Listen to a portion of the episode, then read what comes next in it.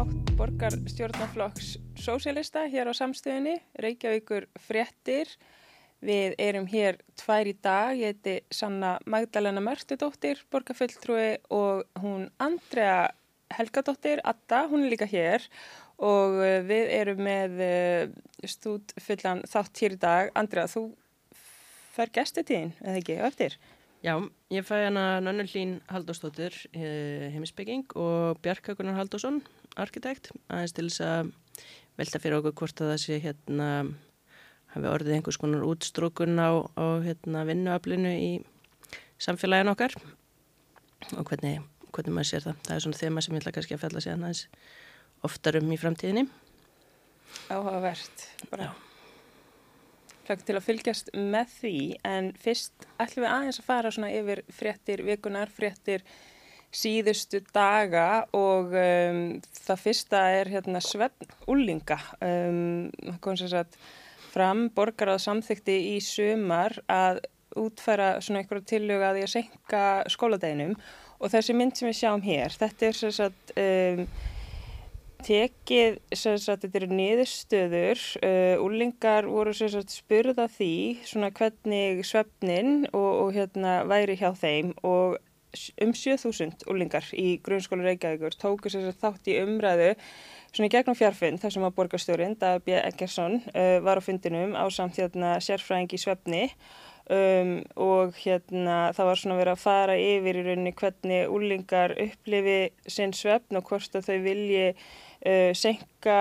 skóladeginum eða svona hvort þeim finnir skólinn byrja á snemma og þetta er þess að niðurstöður úr þeirri um, spurningakönnun sem var lögð fyrir að mér skilst bara á þessum svona stóra fjárfundi sem var haldið með úlingunum og kannski ef ég byrja á fyrstu spurningunni uh, úlingarnir þau eru spurð þarna, þetta er að úlingar í, í grunnskólum Reykjavíkur, finnst þér þú fá nægan svefn? Uh, 55% sögðu já en 45% sögðu nei. Það er svona cirka að helming skipti þarna.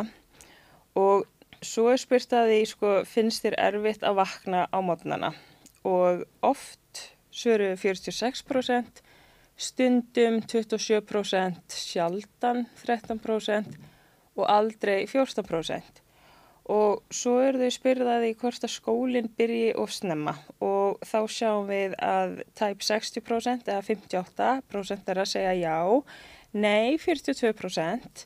Um, þau eru spyrðaði hvort þið finnir fyrir þreytu á mótnana í skólanum og þá er þarna oft 44%, um, stundum 28%, sjaldan 15% og aldrei 14%. Svo kemur síðasta spurningin. Um, klukkan hvað myndið þú vilja að skóladagurinn byrjaði? Og það er aldrei þetta sem að um, þessi senkun snýstum hvort það eigi að senka svona aðeins og byrja setna á mótninum og með skilsta núna byrjan á flestum stöðum um tímindri yfir átta. Þá eru 17% sem vilja hafa þannig. 22% vilja byrja hálf nýju en 61% vilja byrja 8.50 Mér finnst alveg ábærandi þarna að að unglingur sem finnst erfitt að vakna mátnana og sem eru þreyttir eða tala um að finnir fyrir þreyti í skólanum sem er náttúrulega óhefilegt af því að þú getur náttúrulega ekki verið þreyttur að, læra neitt. Að það er bæði, bæði, báðum þeim tilfellum sem að það er yfir 70% svo það er svona svolítið afgerandi Og sko Vogaskóli, hann hefur nú þegar gert þetta að senka skóladeginum og hefur verið að einhverju verkefni þar sem að það hefur bara gefið góða raun. Þetta er svona, þú veist, þau eru að fá um, meiri svefn og svona skilst þetta sé að koma betur út þegar það verið að senka skóladeginum og alls konar svona rannsóknar nýðustöður sem ít undir að þetta sé betra. Já, ég hef alveg verið að lesa fréttir af þessu einhvern veginn bara núna mjög langa tíma. Ég held alveg að nánast alla mína fullorinsæfi ég hef smá, smá áhuga á svona svefnmálum því ég er alveg gargandi bíamanneskja sko sem að hérna sem að veldi þessu fyrir sér og var alltaf hálf svona eitthvað en ekki alveg meðutuð á mótana í skólunum þannig að hérna já, ég, mér fundist ég að hafi tekið eftir því að hafi verið hérna gerða tilraunar á þessu og, og þær hafi verið að koma betur út í sérst hérna framistöðu þá Já. og líka bara svona almennt um þú veist framistöðu fólks ef það er þreytt uh, uh, hversu hérna, vel fungerandi það er í alls konar svona einhverjum hérna, svona prófum sem er verið að leggja það alls konar svona, já svona, svona hvað er þetta að kalla svona, ekki intelligence test heldur, heldur svona framistöðu prófum bí bara að leysa þrautir í rauninni mm -hmm. Þetta er bara gott mál, þetta er líka, líka mikilvægt sko að því að þú veist það snýstum að skóladagurinn hefjist svona í fyrsta lagi 8.50 en svona skólanir hafi mismandi leiðir til útferðslu þannig að það er líka mikilvægt bara að sko, veist heyra í úlingunum hvað finnst þeim svona kannski í samræði við skólastjórnendur og, og fólkdrasamfélagi, skólasamfélagi. Já, mér finnst alveg sjálfsagt þetta er eitt af því sem að hérna, sem að hérna, það er svona alveg fullkomin punktur til þess að hérna, taka nefndurskóluna inn í ákvarðanatöku um því að hérna svo er líka bara það að þau eru að gera svo brálaðislega margt. Það eru fleiri, rosalega margi krakkar sem eru í bara einhverju óbúðslega miklu hérna, eftir skólastarfi og hérna nánast engi sem er einhvern veginn bara að setja eitthvað auðum höndum. Þannig að það er ágætt að hafa pínu lítið svona að geta aðeins róa sig á, á mátana Einmitt, og komið mitt fram í umræðu um þessa útferðslu og þessa tilu að þetta ætti samt ekki að lengja þennan langa skóladálinga eins og nefnir þau eru í svo mm. mörgu þannig að þetta verður útferðst að kannski vera stitta bara vinnuvíkuna hjá úlingum eða skólavíkuna. Mér finnst þetta, þetta er svona hljóma svolítið svipað, mm. maður getur svona koncentrera hlutin aðeins betur, en það er líka heldur ekkert eitthvað mikil, mikil gæða hérna, framleiðinni stund sem að verður þarna á milli 8.10 og 8.50 get ég ímynda með sko svona með minna eigin reynslu En talandum ákvarðanatöku, þá var samþygt til að frá okkur, sósialistum, á síðasta borgarstjórnar fundi og uh, þetta var eina breytingatillagan frá uh, minnihlutanum við fjárhásáallin næsta árs og til næsta ára sem var samþygt. Þannig við fagnum því. Já, faldi heldur ekki í sér neitt kostnað. um sérsagt að uh, senda áskorun á ríkið um að hérna, útsvar verði uh, lagt á fjármæstekjur. Uh, Ríkistjórnum hefur hann tilkynnt áformum að það er að leggja útsvar á þau sem að engungu hafa fjármæstekjur. Mm. En við vorum alltaf að segja að það þurfti að skoða fleira þetta að nynni. Já, við rættum þetta síðast ábyggilega. Mm -hmm. Og hérna, og það er bara rétt að taka það fram borgastjórn Reykjavíkur skorar á ríkið að það verði lagt útsvar á fjármastekjur hún gerir það Aðtíkilsverst sko að því að við lögum þetta líka til á síðast ári. Og þá var það ekki samþygt en orðalega var nákvæmlega saman ef maður kom fram hvað borgin hefði geta fengið í tökjur ef þetta myndi vera samþygt sko eða myndi ná í gegn á þinginu. Þá sama tíma þá skáriði niður allskins hérna Eh, nöðsynlega þjónustu. Fyrir einhverjar nokkra miljónir hvert aðriði sko að þarna voru fleiri miljardar í húfi. Þannig að já, þetta er svolítið svona þetta, þetta er svona hérna mm, manni finnst þetta var rosalega borlegjandi og eins og hérna við höfum rætt aður þetta er bara eitthvað sem er um, viðtækustöðning við með almennings. Finnst þetta alveg fullkóla absúrt að það sé ekki, það sé ekki vera að fólk sé ekki greiða jæmt til samfélagsins. Og svona fyrst að jólun er að koma þá var þetta nú eitt af því sem skilabóðunum hans Jésús sem var náttúrulega sóselisti að hérna að þeir ríku ættu að borga í hlutfalli við hérna, og ekki að láta fátæku ekki að borga herra hlutfalli á sínu, sínum hérna, smáerum til kirkjunar sko þannig að við getum nú alveg reynda að hafa þann bóðskap með okkur Var ekki Jésús brútt sóselisti frá Palestínu? Jú Emitt, hmm. emitt, emitt. Og það borgar á því hérna... Og flóta maður. Ná, það er fóröldrar hans. Batna flóta. Hmm. Um, borgar á því hérna samænast um yfirlýsingu um Palestínu og Ísrael. Um, þar sem að ég kannski bara fæði að lesa þetta hérna. Þetta er ekki það langt. Um, borgar á samþykti einráma í dag álíktun sem fordæmir öll ofbeldisverk sem beinast gegn almennum borgurum í Palestínu og Ísrael. Jáfnframt hvetir borgar áð til að komið verða á tafalösu vopnallið og að allra leiða verði leitað til að koma á varanlegum friði. Borgar áð Reykjavíkur samþykti þá þessa eftirfærandi yfirlýsingu. Eh, borgar áð fordæmur öll ofbeldisverk sem beinast gegn almennum borgurum í Palestínu og Ísrael Borgaráð hvetir ekki aðeins til þess að tafarlausu vopnalli af mannúðar aðstæðum uh, verði komið á á gasasvæðinu heldur verði allra leiða leita til að koma á varanlegum friði.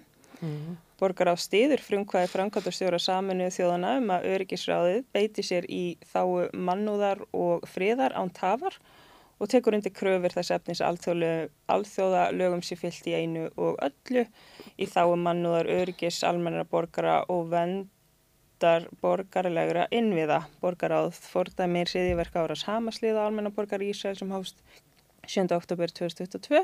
Borgaráð fordæmir sömulegis allar aðgerir Ísraelska stjórnvalda í kjölfarið sem brjóta gegn alþjóðlegu mannúðalögum þar með talið óheyrilega þjáningu, manntjón, mannfall, almennra borgar og eigðilegungu borgarlegra innviða og brínt er að öll brot stríðandi aðila á alþjóðalögum verði rannsökuð til hlítar.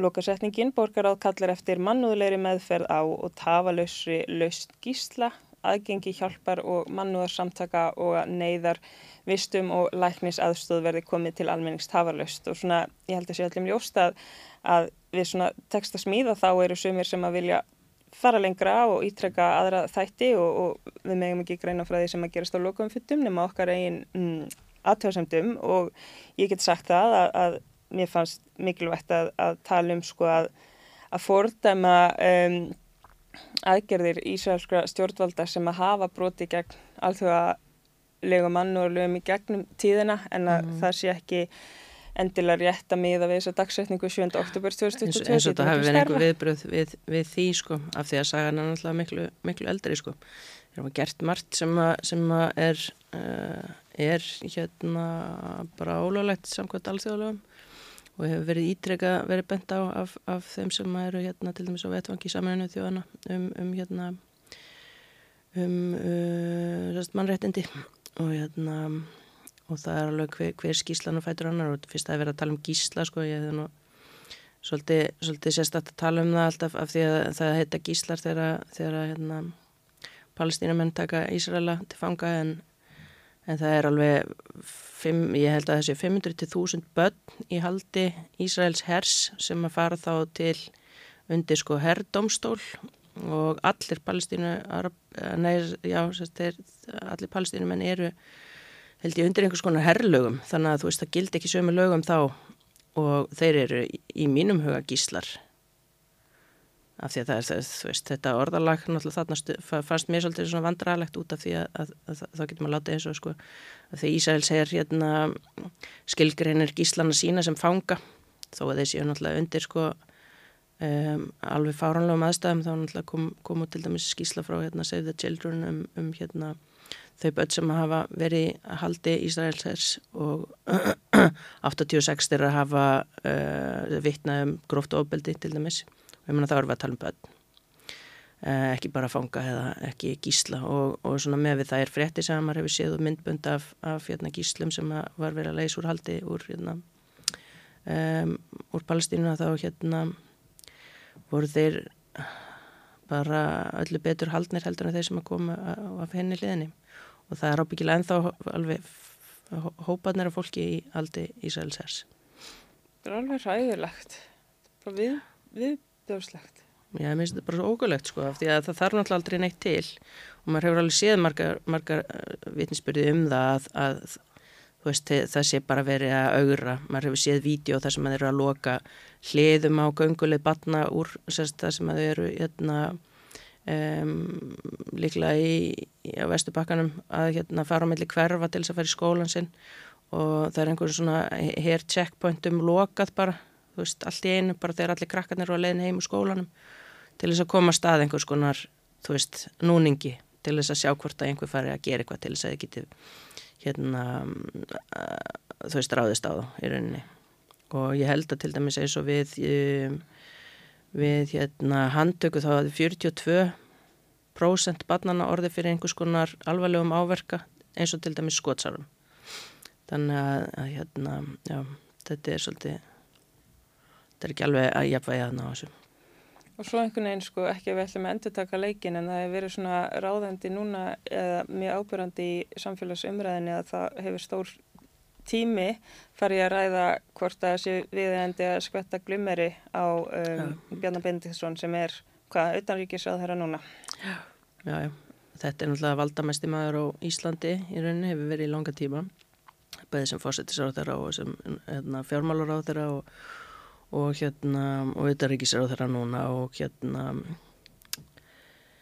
og það er náttúrulega bara hlægilegt hvernig Íslendinga lenda alltaf í, í því að þurfa að hlusta á þessa umræði hvert skipti sem að einhver er mótumælt að þá fer allt púðri nánast í, í umfjöllun um það eða einhverja umræðu um það hvort að hvernig mótmæli fara fram og aldrei um sko málefnin, þetta er bara rétt eins og þegar að hvernig verkvalli var haldið og öll umræðan fór að snúast um að einhver hafi sagt fokk feðraveldið og hérna og það er alltaf hægt að drepa öllum málum á dreif með því að fara að þræta um eitthvað sem skiptir engum máli í stóru samhenginu en alveg hreint, ég minna nú satt ég til dæmis á, á hérna opnum fundi mannættinda og bildisvarnar áðs í, í, í gær já.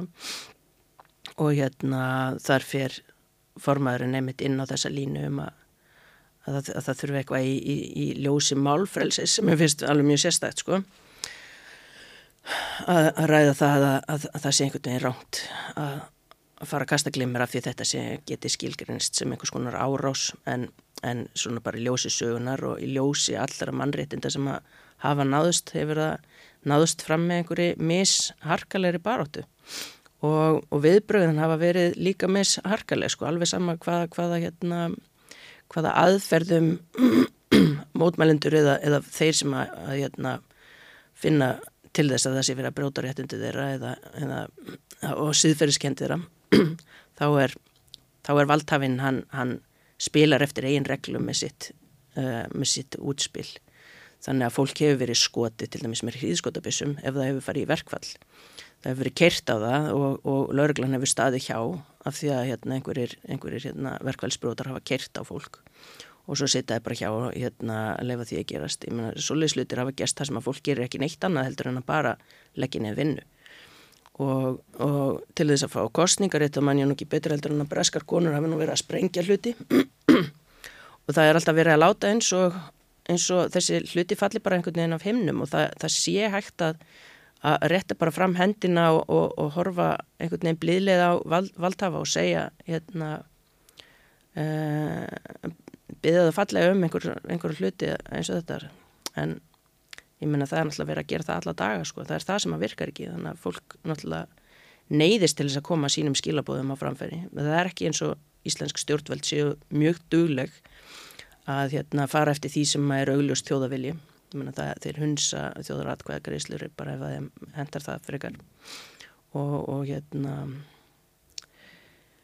og þetta er bara spursmálum það. Á alltaf að vera fordæma hérna fordæma andofið og hvernig það fer fram. Þetta, það fer bara að minna mann á eins og umræðuna sem er um, um hérna um ástandi í Palestínu. Ég menna það er alltaf verið að búa til uh, svo mikla einhverja ógn í því að einhver sé ósáttur við óréttleiti uh -huh. og hann sé það ósatt við óreittlæti og þessi búið þraust rístanum út í svo mikið óreittlæti að það er engin leið út úr því önnur heldur en að, að, hérna, að býta frá sér á einhvern nátt. Þannig að það verði tekið eftir. Valdhafar frekar að nexlast yfir einhverju sem þeim finnst óþægilegt eða óviðandi frekar en að sko nexlast yfir með þessu óréttlæti sem er bara viðvarandi og viðbjörnslegt. Já, já, þetta er bara, þetta er bara, þetta er í rauninni bara, ég menna það er, það er í rauninni sama þá upp á teiningum hérna hjá okkur að við meðum ekki mótmála því sem er augljóst hérna eh, einhver svona mannkinsugurlegur hryllingur sem er að gerast að, að við, við meðum ekki verða það nexluð að, að maður fari út og jáðarinn á því sem er svona telst svona samfélagslega kurtislegt bara, það, það verða enga breytingar þar fyrir innan. Það bara, það bara hefur ekki verið þannig. Menna, veist, það, það er margt sem hefur verið reynd á, á vettvangi til dæmis svona típiskra hérna, fulltrúa stjórnmála, fulltrúa liðræðis stjórnmála en, hérna, en, en mannréttindin og, og, og framfarnar gerast á framlínunni þar sem baráttan er háð. Þetta er rétt bara eins og, eins og með hérna, verkvöld. Það var prófað þessi kurtislega, hérna, stopnarnalega, hérna, uh, bómöllar hanska leið í, í verkalýsbaráttu og, og hún skilaði nákvæmlega engu. Hún skilaði aftur fyrr og það er ekki fyrir hennar baráttan var, var, hérna, var blásið af, af hérna, reiki af vopnunum sem að eitthvað fór að gerast. Og við byggjum ennþá eftir í að, að til að okkar um að reysa palestínska fánan að hún yfir áðursi verði afgreitt. Það eru, Var hann ekki afgreitt síðast? það eftir afgreiðana. Nú, nú. Mm, hún bara, Þið voru að ræða hana samt. já, Já, mitt, það var daginn eftir að, að hérna alþjóðlegu stundistæður við Palestínu var. og aktivistlar höfðu sem sagt komið fánanum upp en síðan hefði hann verið tekið niður af því að hann var ekki, það var ekki ákvað að gera þetta af Reykjavíkuborg. En um, eins og kannski glöggir uh, áhörfundur taka eftir ef þeir eru með tímasetningu þá eru við um, ekki á tveimur stöðum í einu. Við erum hérna að taka upp uh, þetta hérna áður en við fyrir með borgarstjórn. Um, Þátturinn síndur klukkan fjögur uh, núna á þriðdeg og um, á sama tíma fer fram borgarstjórn þar sem að við munum og erum að ræða til sósílistem að takmarka Airbnb eða skamtíma gistingu en frekar en um, klukkan tíu var og við þurfum að fara að koma ykkur á þann fund. Um, þannig að já, við munum svona greina frá því hvernig afgreðsla þeirra tillögu fer og uh, næst heyri við viðtalið við þau um, um úttrúkun vinnarapsins við þau Nönnu Hlín og, og Bjarka Gunnar.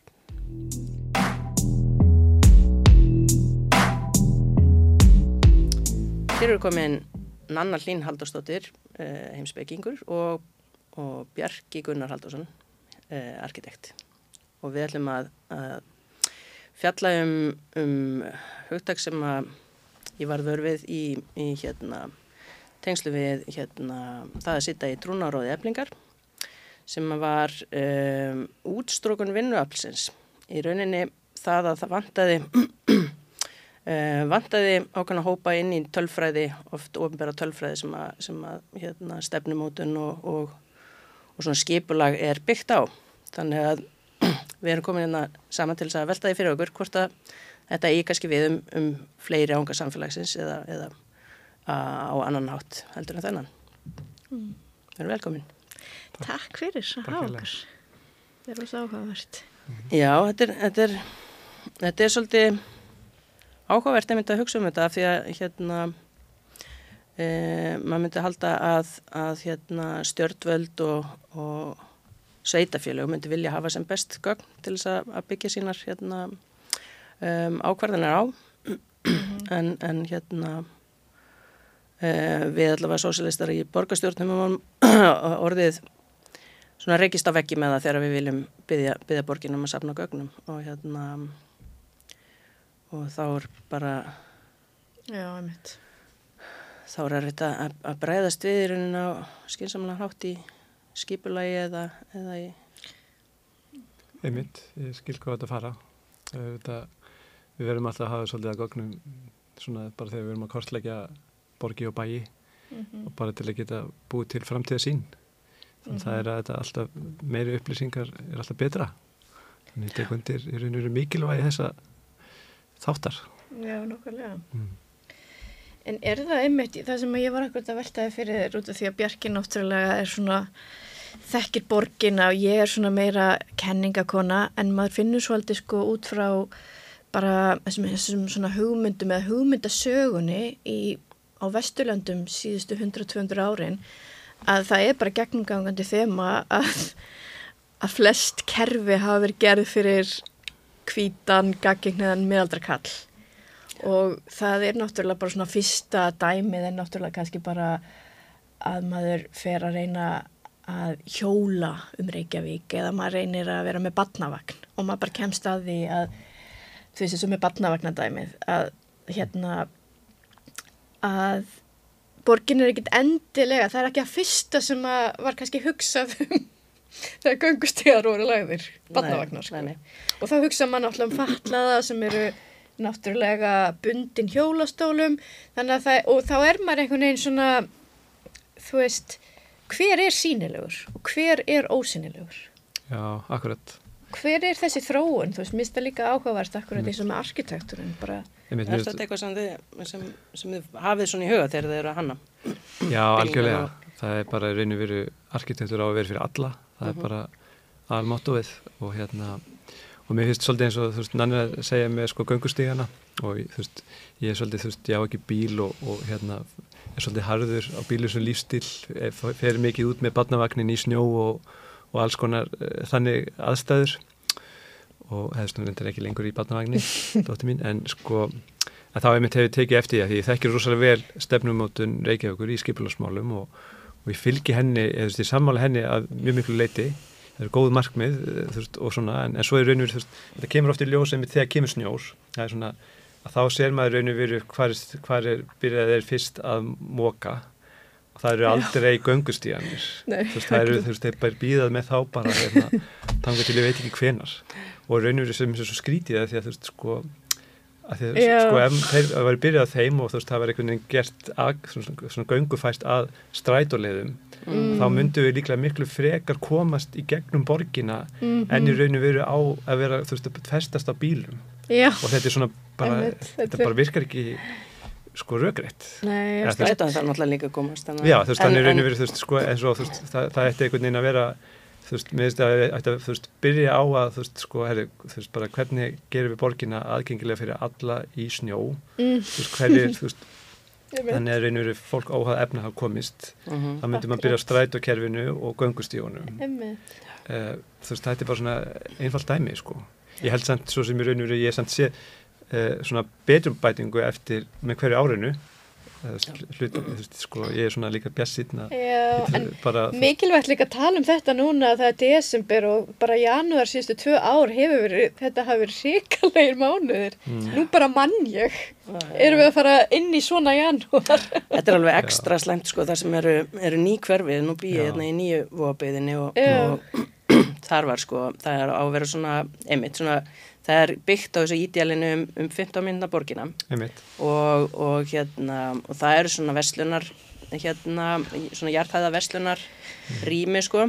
En, en það sem er komið er sko fastegnarsalla og örgriðslistofa og hérna en það er þó bónus, elsta bónusbúðin er svona út á hotni hjá okkur, en það er náttúrulega ekki hægt að lappa á okkur vegna þess að það er bara byggingarsæði og fyrir Já. okkur sem að ég býsast í, í, í bjargsblokkarna rétt hjá. Mm -hmm sem er svona, eh, svona hotregga svolítið og mm. það er bara ekki gangstitt af því að það er bara byggingarsæði sem næri yfir alla gangstittin og ég er með lítinn mm. strák sem að, og við förum ofta hjólu og ég er bara komin út á götu og, og hann er trökkar að keira neyra og, og ég bara skil alveg að fólki sem að flyttur ánga inn og, og er með svona hugmyndina um það að flytja inn í þetta, þetta ídjál sem að kemur um þetta í arkitektatekningunum um allir á hjóli og, og, og það er hugmyndin. En, en, en svo er það bara glansmyndin í rauninni þegar á staðinni komi og þá kemur mm. hérna snjóriðningur og ég sá eina skrifum það í hverfisgrúpun og það hefði einhver rött sko snjó fyrir útitinnar hennar.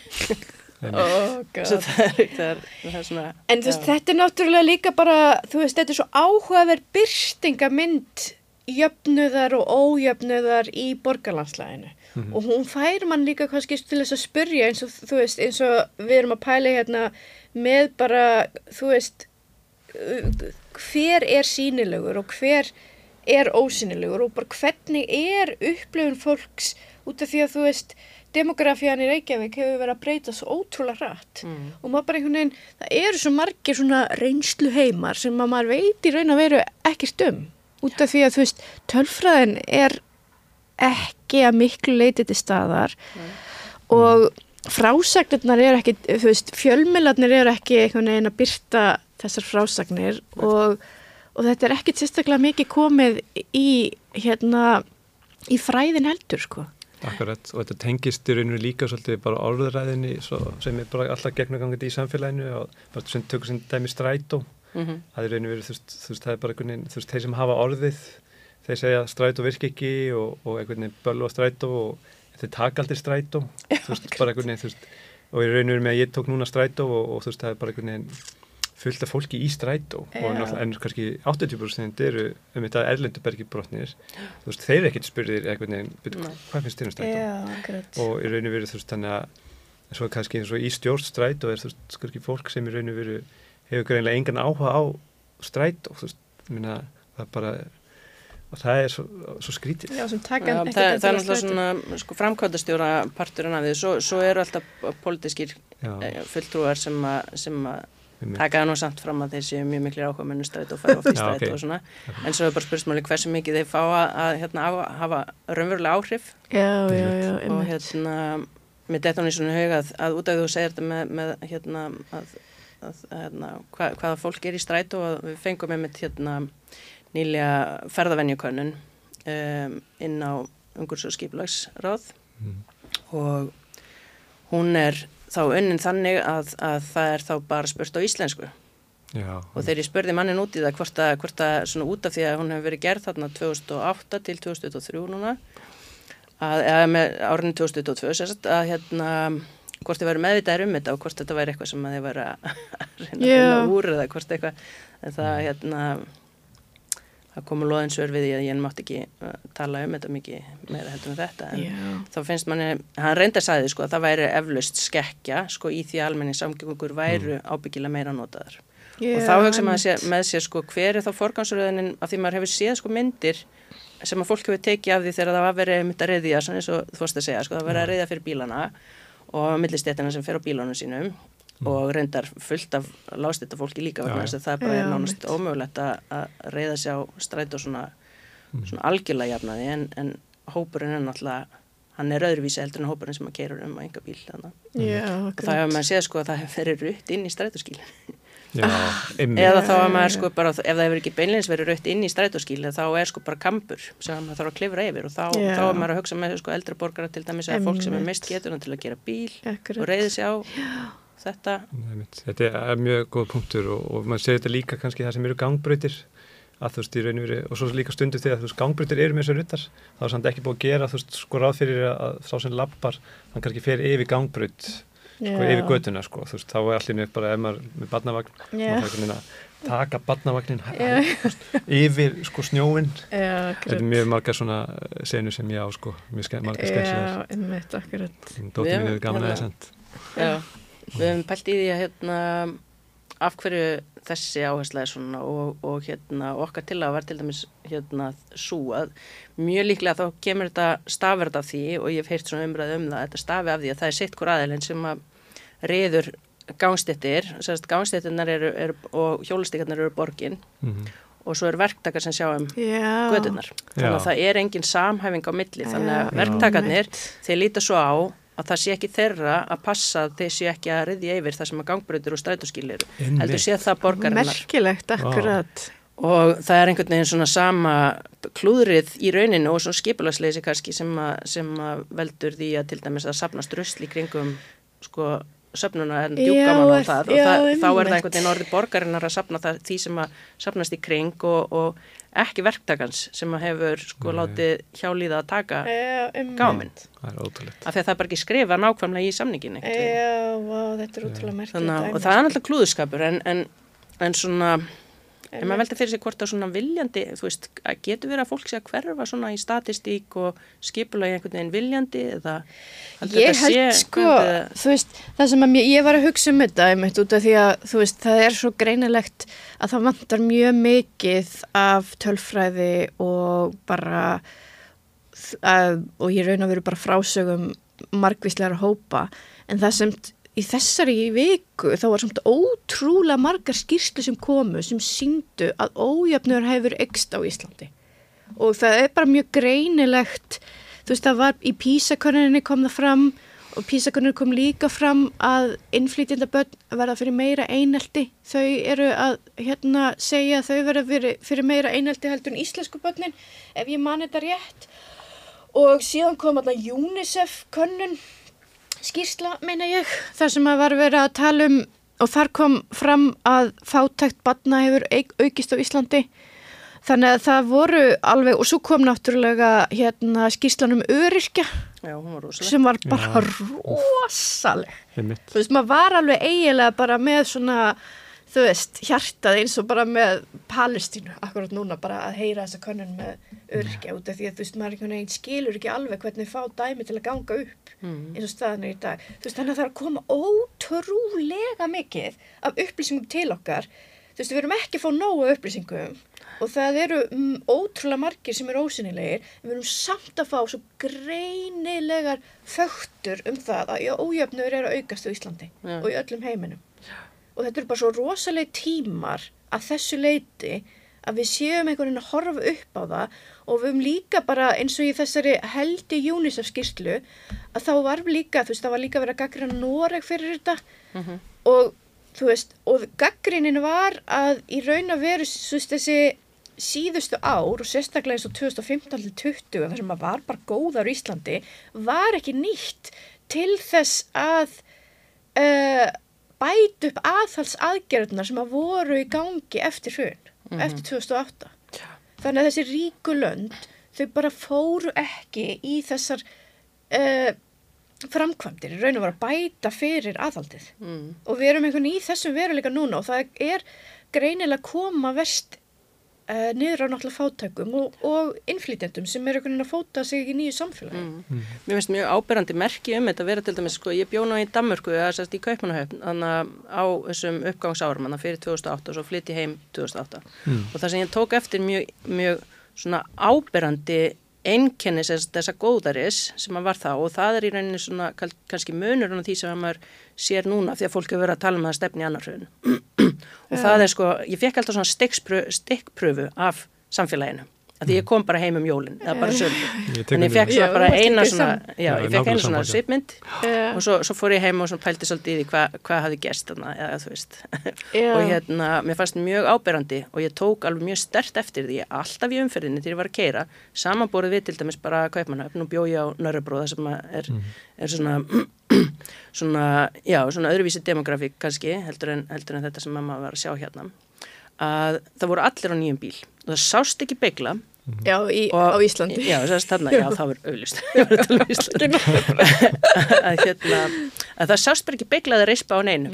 Veist, það var allir stífbónaðir og, og alveg ofsalaflottir. En munurinn á því sérst, ástandi og því sem er núna og er, finnst mér mjög ákveðin merki um stjættaskiptingu og, og, og sérst, um, um að hún sé að aukast og miskiptingi sé að aukast er að það eru, það eru sko Ferrari bílar sem eru stífbónaðir sem Já. maður sér, svona, sem, sem að maður hafði bara aldrei séð um á lítið, skilur maður sá Nei. þetta bara einhverjum, í einhverjum tónlistavídeóum eða eitthvað svo leiðis.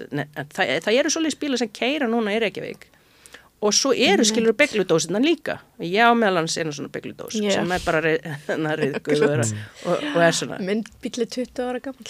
Þannig að það er allavega, mér finnst það svona, svona, svona úti í samfélaginu, þá allavega verður maður aðeins meira meðvitaður um það að, að það sé, þú veist, það sé munur. Einmitt, Mm. akkurat. Þetta Það var áhugavert. minni þarna á þessum tíma. Já. Það var svona einhver, einhver svona, veit ekki, svona delusion eða hver, hver allar, svona Já, hann ím, 2008. ímyndar, Já, ímyndunar fyrring. Ég man að Bjarki, hann bjóði í árásum á þessum tíma og hann kom alltaf heim og var alveg bara hérna gapandi yfir þessu og ég algjörlega samþekkt þetta. Ég var bara svona, já, já, ég meina, þú veist, þetta bara, þetta bara gengur allt upp. Já, akkurat, einmitt, ég nákvæmlega, þú veist, einmitt fl- flutti líka til Íslands 2008 og var alltaf kom heim í jólinn og, og var mjög, mjög svipaða svona upplifanir og, og maður var alltaf, þú veist, svona gert grínuna manni, þú veist, ég var að byrja að tala um sjálfbærni að fólk ætti að hjóla og, og ég bara lít, lítið á mig sem einhvern servitring, sko. Og veginn, þú veist, já og svo, en svo er rauninu við, þú veist, sko komið þetta samt áhaverið tímabil eftir hrunið, svona krút kunnslega tímabili, ég var með að tala um þetta við eitthvað fólk um daginn að þú veist, það sem er rauninu, þú veist, sko það var rauninu vilji til að að breyta í eitthvað svona fimm ár. Já, Mhm. Þú veist, ákomið til dæmis nýjar áherslu skipularsmálum sem var verið miklu meira um að gera borgina fyrir þú veist, alla og, og, og margbreytilegra. Já, þú veist, það var algjörlega þú veist, uh, og svo í rauninu verið kannski þú veist, þannig að það var mjög margt spennandi í gangi uh, þessi fyrstu 5, 6, 7 ára eftir hrun finnst mér, en svo í rauninu finnst mér eins og núna hafi einhvern veginn síðustu 6-7 árin, þá finnst mér líka núna einhvern veginn eins og við sem að, að nálgast þetta 2007 dæmi þú veist, þetta er eitthvað svona tilfinning já. og maður getur ekki eitthvað raukstuð hana 100% en það er, en svona ég tek undir þetta að þú veist, og það er svona eitthvað nefn, þú veist, það er, að, þú veist, það er svo mikil umræða um í rauninu eða alltaf bara að gera eitthvað hvað það er, þú veist, líka eitthvað nefn að þú veist, vera með eitthvað viðskiptaplan fyrir það þú veist, minna, ef alltaf bara sko byggja þér eitthvað bústað þá bara eitthvað nefn, þú veist, erstu líka búin að gera Excel-sker hvernig rauninu, þú hvað leiðir oft út ári eða, Já, já, bara komin Airbnb og, já, þú veist, Og- eitthvað nefn allir að passa upp á eitthvað nefn að upp á eignina sína. Já, og, og þú veist og það er eitthvað svona veit ekki, þetta er einhvern veginn þreytandi. Já, þetta er svona, þetta er eitthvað nýfrjálsíkju, Já, sko, ég hef heyrt svona koncept sem heitir hérna kostnarvitund, hérna sem hefur verið notað til þess að, til þess að svona nýfrjálsíkju væða til dæmis ofnböra stofnanir og til dæmis fælst í því að hérna borgin á skólabyggingar út um allan, út um allan bæ. Mhm. En nú er búið búið til kostnæðar einingar úr þeim. Þannig að skólanir Já, er ekki í húsum sem að borgin á, heldur leigja þér skólabygginguna Já, já, á fermetraverði af, sko, af Reykjavík. Þannig að það er tekinn peningur úr einu vasan og maður settur yfir í hinn vasan og svo hann borgar aftur tilbaka og svo greiðum við Já. fjármæstekju skatt af þessu. Og þetta er allt saman gert til þess að, til þess að gera ofbera starfsmenn og meðvitaðri um þessi ekki, fá ekki að vera að eyða og spandera peningum almennings. Já, og, hérna, er og nú er, svona, nú, nú er þetta búin að ná einmitt þess að þú ert að segja, sko, maður er búin að fyrirtæki svæða heimilsbókaldið einhvern veginn að þess að það akkurat, svona ásreikninga vangaveltur um allt. Einmitt. og meðan ég er bara hugsa, sko, ég hef farið á svona námskeið um að lesa ásreikninga og mér finnst bara, það vantar eiginlega bara 60% af hlutum í þetta, þetta er bara svona eins og fólk talar um að veist, það er ekkit verið af skógi.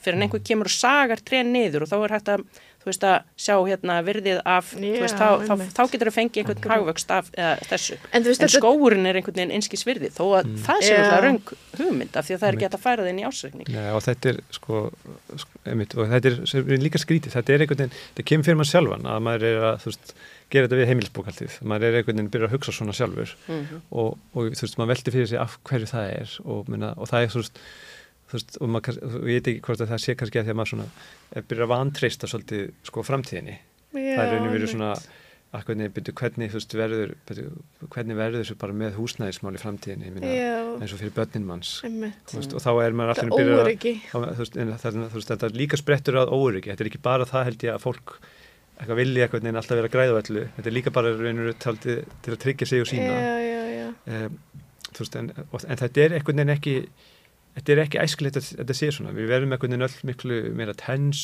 og, og en það er líka annað sem er svolítið áhugavert út af því við fórum í að skoða hérna þessi 15 síðustu ár að það var svona raunveruleg umræða líka þessi ár eftir hrun um að uh, að það staða leigjenda er miklu sterkari og hún er tryggð. Og við færum í sama sömu í raun að veru hérna búsetu kerfi eins og er á hinum Norðurlöndunum og Þískalandi Mm. þar sem að er rétturinn er miklu meiri. Og þetta var einhvern veginn svona þetta, og þa- það sem að bjóst einhvern veginn við að vinstirstjórnunar eftir hrunu var að gera, svo gerist ekkert í þessum málum. Og ég mani, ég fekk svona uppgjafa tilfinningu, ég var bara svona ok, þú veist, þá verður maður bara einhvern veginn að finna sér leið til þess að kaupa hús og vera í þessu pakka einhvern veginn að, að maður verði að vera á eignamarkanum og þú veist, og það bara er svo ótrúlega hérna einkennandur í Íslands samfélag einhvern veginn að vera að eignamarkaðan skiptir svona ótrúlega miklu máli. Og einmitt þess að segja, eignar hugmyndir hafa orðið miklu sterkari sko. Já, og svona nýfrálsíkjan í raun að veru sem að maður held að hefði átt að deyja þarna 2008 En ég hugsa svona ef þú spyrð hvert sem er þá yfirleitt myndi fólk vil, vilja sko svona kannski líka bara af reynslun á Íslandi ef það er ekkit rosalega þægilegt að vera leiðandi á Íslandi af því að það er engin er leiðanda vend og það er, það er ekki til einhver svona úrræði eða svona uh, hvað heitir þetta svona önnur form. Eins og í, í Danmarku þá vann ég nú fyrir svona andelsbólifóreining sem Já. er svona eins og samegnar uh, félag þá einmitt. sem að, sem að hérna er þá uh, á saman og, og maður borgar til þess svona eins og, eins og leigu eða þannig það er, bara, það er bara miklu lægra gjald heldur en, heldur en búseti til dæmis en, en og þá er það líka samegn og hérna og það er sko haldin aðalfundur og, og, og á aðalfundinu það ráða sko leigjandurnir einmitt. Um, þeir eru náttúrulega bara svona eigundur félagsins náttúrulega. Og hérna og, og, og það sem að vantar náttúrulega í Íslandi menn það er bara gjörsanlega hömlulegs þessi markaður er náttúrulega bara algjörlega Já, stjórnlaus. Það er er ekkit verið að akkurat. þú veist að halda neitt utanum þetta. Nei, og það, er- það er bara vilt að vestrið með sko einhver, einhver stóregna aðilar koma inn og svo, Já, svo breytist þetta einhvern veginn. Sumir eru bara með einhvern svona slumlord hérna, hvað heitir, einhver er kallaðar hérna reysishrókar hérna. Já, akkurat. Og þetta er náttúrulega líka og þú veist þess þetta þetta er eitthvað sem að maður einhvern veginn væri til í að vita bara miklu meira hvernig það er einhvern veginn að vera manneskja sem er til til að kannski óörugri stöðu sem kemur til Íslands og þarf að byrja á að leia sér eitthvað. Þú veist, bara hva, hva, hvernig er svo reynsla einhvern veginn? Hún virkar eins og þetta sé bara frekar erfitt og það sem að sér er náttúrulega bara um, að fólk er að keppast um íbúðunar sem við geta leikt og Já, bara leia bara hvaða hræsi sem er sko. Mitt og ef akkurat og þetta með leigumarkaðin og í rauninu svo skrítin alltaf þessu umræð þú veist, eins og, þú veist, að akkur er maður ekki setja leigu þak þú veist, það er einhvern veginn eins og það sé einhvern veginn bara eitthvað bara alveg hræðilegt. Þú veist, og þú veist, þó að, segjum sér svo að þú veist, að þó einhverju einhvern veginn snúi sig kringum það þá samt í rauninu verið, þú veist, þá var það allavega eitthvað sko pólitísk sín að segja, hefðu, þú veist, það er ekki lægi að við sem að okra fólki. Þú veist, við verðum að, veginn, þú veist, sko, þetta er bara veginn, við, þú veist, við verðum verðum með samfélag þar sem við hjálpum hvort öðru. Og minna, þú veist, þannig að þessan er rauninu verið bara, þú veist, þetta myndi allavega að gefa ykkur skilabóð um, herru, nú ætlum við að reyna að vera hennar samfélag. Akkurat. og þetta það er það sem þetta snýst um. Skuldbinding til þess að, Já. að hérna, þú veist, Já. bara veginn, þó, og þá er þú veist, þá er, að því núna er það einhvern veginn sko, þú veist, nú er það bara normið að þú ætlar einhvern veginn að, að taka okkar úr eigninni í staðin fyrir að þú veist, að gera það að svona jaðar hegðun, sko. Já, það ætti að vera jaðar hegðun að þú sért á okkur fólki, já, það, það að vera En Þetta er rosa skríti hvernig þetta, hvernig þetta breytist á hann hátt. Og ég held að það sé bara, ég meina það, þetta, þetta er náttúrulega eitthvað sem við sést líka í hérna, við rættum þetta svolítið sanna hérna uh, síðast minni mig. Og, og maður sér sko í stórborgum til dæmis að, að og þar kemur ójöfnurinn líka, það er gott að vita ójöfnurin á þú veist að því að meðaltekju segja ekki mikið til um heilbriði hverfist, til dæmis það sem eru eins og útlöndum hefur verið sko uh, luxusýbúðir verið einhvers konar bara svona búljón þú veist, það býr enginn þarna, það er bara búið til eitthvað sem er dýrt og þið vita að hækkar í verði, rosalega ávöxtunar hérna Já, einmitt. um, uh, svona, þú veist, það er trygging á ávöxtun fjöði, fjés þar og það þarf enginn að búa og borga einhverja leigu af því, það er alveg nóg að eiga þetta bara. Já, og, veist, og svo er kannski eitthvað fólk hérna með við götuna bara sem að býri einhverjum drastlýbúðum og svo bara lítur allt vel út á pappir af því að, að það er ekkert verið að kanna þetta sérstaklega. Og það var nú alveg leyendasamtöki var nú að gaggrina til dæmis til dæmis að óberust hann að statistíkina um þetta uh, frá HMS af því það kom rosalega fín skísla um, um hérna um leigumarkaðin þar sem allir hafði það bara rosa gott. Já, og, og leyendasamtökin voru bara þau, þau hérna þau kærðu held ég þessa skíslu okay. þess að síðan eru sko eru, eru stjórnvöld sérst, þarna, uh, ríkistjórnin að, að byggja einhverja stefnur og, og aðgerðir á þessari útækt sem er síðan bara Einmitt. náttúrulega megin gölluð af því að það vantar til dæmis, hún var bara gerð á íslensku, hún var bara ekki send út til fólks sem er skráð í einhvern, einhvern gagnagrunn og, og Já, þú veist það vantaði bara stærstan hluta af, af þeim sem hafa það skýtt á Einmitt. leikumarkaði Já, og er að enda til dæmis í ólefis húsnæði eða, eða ég menna það er 50 mann skráðir inn í einhverja litla íbúð einhver staðar og, og maður veit ekkert hvað það er heima. Akkurat. þú veist, skip, skiptast þér á að sofa það, það er ekki mælikvarði á helbriði leikumarkas Nei, ef, ef þú tekur ekki Nei, alla akkurat og það er náttúrulega bara í raun að vera ætti að vera þú veist, í- svona frumforsenda þess að búa til einhvers konar skýslur og tölfræði og náttúrulega öll gögn og öll fræði að einhvern veginn að þú, að fyrsta svona gaggur spurningin sé bara hverjum eru við að missa af og hvað getum við gert til þess að ná þessum hópi? En þú veist, náttúrulega má- málið er bara rosalega oft einhvern veginn að það verða til einhverja orðræðuhefðir og þá er búið að búa til einhverja mælikvarða sem að eru bara komin hefð fyrir og þessir hef- mælikvarðar henduðu kannski árið 1950 en henda bara alls ekki samfélagin í dag og það vantar í raun að veru hérna, það vantar að það sé svona mikilvægur hluti bara þekkingar öflunar að fyrsta skrefið sé gaggrinn hugsun í raun og veru. A- í staðan fyrir að fyrsta skrefið sé hefðbundið staðall og svo mögulega í fymta skrefinu kemur gaggrinn hugsun. Og þetta var eiginlega út af því að fórum að tala um hérna hrunið og þá var þetta líka það sem átt að koma eftir hrun gaggrín hugsun Já, eftir hrun, ég skrifaði grein um þetta sem gerði Einmitt. grín út af því að gaggrín hugsun var svona eftir hruns klísja það sem allir töluðu um og svo gerðist náttúrulega ekki Já. neitt. Og breyttist bara ég við, við þurfum að læra af þessu. Já, já, já, sem er akkurat. sagt svona reglulega Einmitt, til það var að- eitthvað svona eitt lítill punktur sko. En þú veist það glemdu svo allir. Já, svo getur maður náttúrulega líka sagt það bara alltaf. Já, við þurfum að læra þessu. Svo já, já, já, akkurat, það er Já, En af því þú segir, ég meina að maður myndi halda að það veri svona grunn forsenda þegar maður er að rannsaka hluti. Að, að þú veist að skoða hlutin almennilega á hann í kjölinn. En, en það ætti náttúrulega líka að vera grunn forsenda hjá sko, stjórnvaldi sem ætlar að byggja einhverja ofnbæra stefnu á einhverjum gögnum að tryggja það að, já, þú veist, að, að það sé, hérna, einmitt að hún sé sko áreðanleg og gefi góða mynd þannig að þú sért raunverulega að mhm, þetta er eins og verið með sjúkling og, og hérna alltaf hvað að lækna hann og veist ekkert já, þú veist almennilega hvað er hann og það var bara, Já, ég skoðaði hann bara í framann eða eitthvað, já, ég held að það sé bara plata vegna þess að ég skoðaði hann bara í framann og hann er með þrý, þrefald hérna lærbrót bara undir buksunum af því þú kíktir ekki á einmitt. já, akkurat. Og það er kannski líka svona umhugsunni verta eins og með þessa písakönnun að það er eiginlega hún sem er svona að leiða okkur í eitthvað sannleika um samfélagið sko. Af því að við erum ekki búin að fara í þessa stúdíu sjálf. Uh, þú veist, í raun og veru eins og þar kemur fram að þú veist, það er einhvern veginn ekkert, ekkert sérstaklega mikil samkend já, sem, akkurat. sem maður bara ekki, ha, byttu mér fannst það næstu í meira sláandi heldur en þetta með Já. akkurat. Og maður, þú veist, einhvern veginn, þú veist, þannig að það er raun og veru þannig að þú veist, sem byttu fyrir eru þá písakannanir gerðar. Af því að þú veist, hérna einmitt, en þegar ég tek, tek undir þetta að þú veist, minna, við verðum að hafa líka bara, þú veist, bara ég meina, það er bara mjög áhugavert og skemmtilegt að hafa yfirsýn og bara sjá hvernig Já. mannflóran er að þú veist, þannig raunir við bara líka bara til að skapa náttúrulega skemmtilegt mannlíf er bara, þú veist, og samfélag. Af því, veist, gott er- samfélag. Já, bara þú veist, það er einu veru alltaf skemmtilegast þegar maður er svona að taka arkitekta sjónarhóttnið á þetta, þá er þetta þú veist, maður er langu hættur að horfa á hvernig húsin líta út, maður er eiginlega miklu meira að byrja að horfa á bara hvernig fólkinu líður og Já. hvaða fólk er að nota viðkomandi rými mm.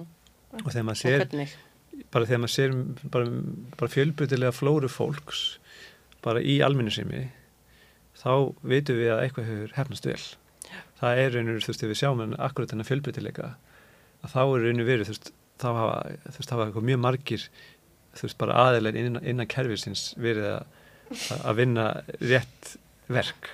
Já. þannig að, þú veist, mér finnst þetta að vera svona þannig, svona, þetta er svona þetta huglagur mælikvarði en í rauninu verið, þú veist, náttúrulega hann er samt líka mjög mikilvægur að við getum litið í kringum okkur og sjáum já, hvernig alminnisrýmin okkar virka Ég fór samt að hugsa að þetta væri, eða ekkert samt, ég fór að hugsa að kringlan væri eða svona rými. einmitt Kringlan er svona verkefliðs, hérna, það er svona vinnuöfls, svona tilfinning, það er ekki sko maður- millist, eða svona efri stéttin eða millistéttin einhvern veginn. Já, maður sér einhvern veginn bara flóruna svolítið í kringlunni, sko. Ég hef á svona svolítið ástarhattur sambandi við kringluna, ég, ég bý aðna hliðin á kringlunni, sko. Já, svona svipað við holtakarða, það er eðlöð staður en ég er skoða pingu lítið brútalismann. Já, En þú veist, og það er alveg oft líka náttúrulega, sko, eins og með ímsa innflytjandahópa, en nú tala ég bara út frá manninu mínum sem kemur frá, hérna, Íran og Afganistan, að þeim finnst bara það fyrsta sem þau gera er að fara í kringluna. Þetta er bara það sem að, þetta er líka ákveðin draumur og þetta er kannski svona ákveðin draumur um mollið og um einhvern veginn svona þetta nútíma samfélag Mhm. sem að þau sjá en við erum kannski orðin svolítið þreytt á að mörguleiti þú veist við erum þreytt á einhvern veginn bílunum og, og kringlunum og sjáum að þetta nútíma samfélagi er ekki sjálfbært. Nei, en svo samt einhvern veginn er kringlan stendur fyrir sín Já, en það væri líka spennandi að gera þá stúdíu sko, hverjir koma bíl í kringlan og hverjir kannski koma bara raunverulega með almennsangungum og gangandi. Kannski er það er miklu, líka kannski það miklu stærri hópur en við höldum Ég kem alltaf, ég kom alltaf labbandi, ég bjóða niður hlýðanum Hérna- í stundum. hún er líka vel tengd kringlan. Já, hún er teg, vel tengd í strætósamgangum hún er hún er bara mjög mikill miðpunktur Íslands Það mætti Reykjavík kannski laga kringluna þessu leiti því að ég man alveg eftir því að ég var hérna mjög hrætt að labba það nema því að maður kemur sko af þannig göngubrúinu úr, úr hlýðanum Mhm.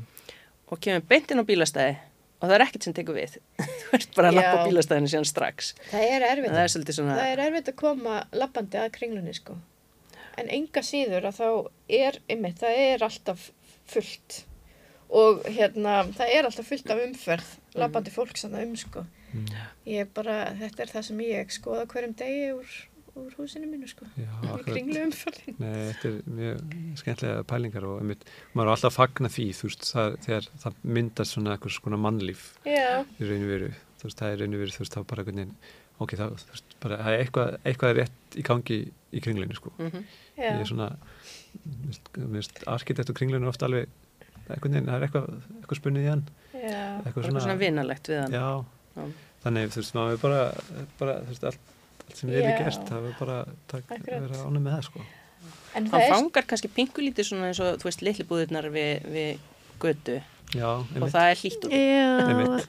Svo þannig að það er, það get, gefst tækifæri til þess að doka við aðeins af því að þú ert ekki, það er náttúrulega það sem gerist svolítið í almanræminu á Íslandi er, er þú veist að maður, að þú talar um það hvað, fó- fólk væri, hvernig fólk væri að nota almanræmið, að það Einmitt. náttúrulega eru, ef að fólk er að nota það einhvern veginn svona bara alltaf til þess að drífa sig á milli staða svolítið, Mhm. eða hvort það er einhver svona, hvort það verður til svona uh, tilfinning fyrir það að þessi tækifæri til þess að doka við aðeins Já, og, og einhvern veginn bara spjalla saman eða eitthvað. Mér fannst það mjög ábyrjandi við sko Mhm. munun á Nörrebró til dæmis og, og miðbænin sem ég ólst upp í, þú veist, hérna í Reykjavík er bara, fólk var bara eitthvað að sitta út á tröppum og þú veist, og það var ekkert Mm. endilega bara á sömurinn, það var alveg, Mm. veist, þessi já, svona, svona afslappaða tilfinningu, gast vera að tala við nágrunnaðinn og, og það var svona einhvern veginn umhverfið bauð upp á það.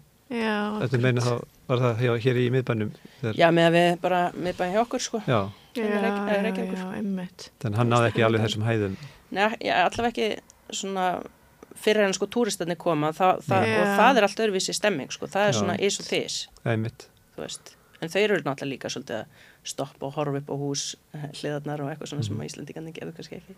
Já, nei, akkurat. en hérna, Nei, akkurat, þetta er alveg, ég tek svolítið líka eftir þessu þarna í, þarna í háskóla, hverfinu þarna í háskóla Íslands þar sem ég vinn, það er einhvern veginn svona, það er það sem ég skil líka ekki alveg í svona skipulagsmálum, mm. eins og þar að þá, þá er ekki neitt rými fyrir svona spontant uh, hlut að spretta upp. Þú veist, ég er alltaf að býða eftir kebabstæðnum, já, þú veist, sem að allir stúdendarnir fara á, þú veist, því það er eitthvað svona sem að hefur alltaf virkað sama kebabstaður og stúdendar en þú veist, það er ekkert svona það er hverfið sem hefur ekkert náð að þróast á svona spontant hátt, sko. Háskóla hverfið, Já, nei, það, það er er einhvern veginn svona Það það er sum svona hverfi inn í Reykjavík sem að einhvern veginn hafa bara orðið svona eins og, þú veist, mér finnst hálgjör svona matar eigðumörkarna í hverfinu með Það- hvað er er ótrúlega sko. mikið af fólki þar. Einmitt, og það er ekkert svona það er, er þótt að sé að vera byggja og byggja þá bara einhvern veginn ekki vera að hugsa um einhver svona litla staði sem að geta þjónað þessum ótrúlega stóra hóp sem sækir þetta, þetta, þetta það á náttúrulega við eiginlega bara um allan vesturbæin hann er eiginlega Já. matar eðumörk þú þarft að fara og fyrst við vorum að tala um stræt og það er ekkit hlaupi að því til dæmis að komast í bónus eða krónun eða eitthvað svo leiðis og ég veit að fólk var að tala um það sem bjó á sko háskólasæðinu að þau gátt ekki komist í strætó í bónus nema sko flesti vildi bara þau fó- fóru í einhvern strætó sem gekk upp í árbæ vegna þess að þar stoppaði strætó beint fyrir utan bónus.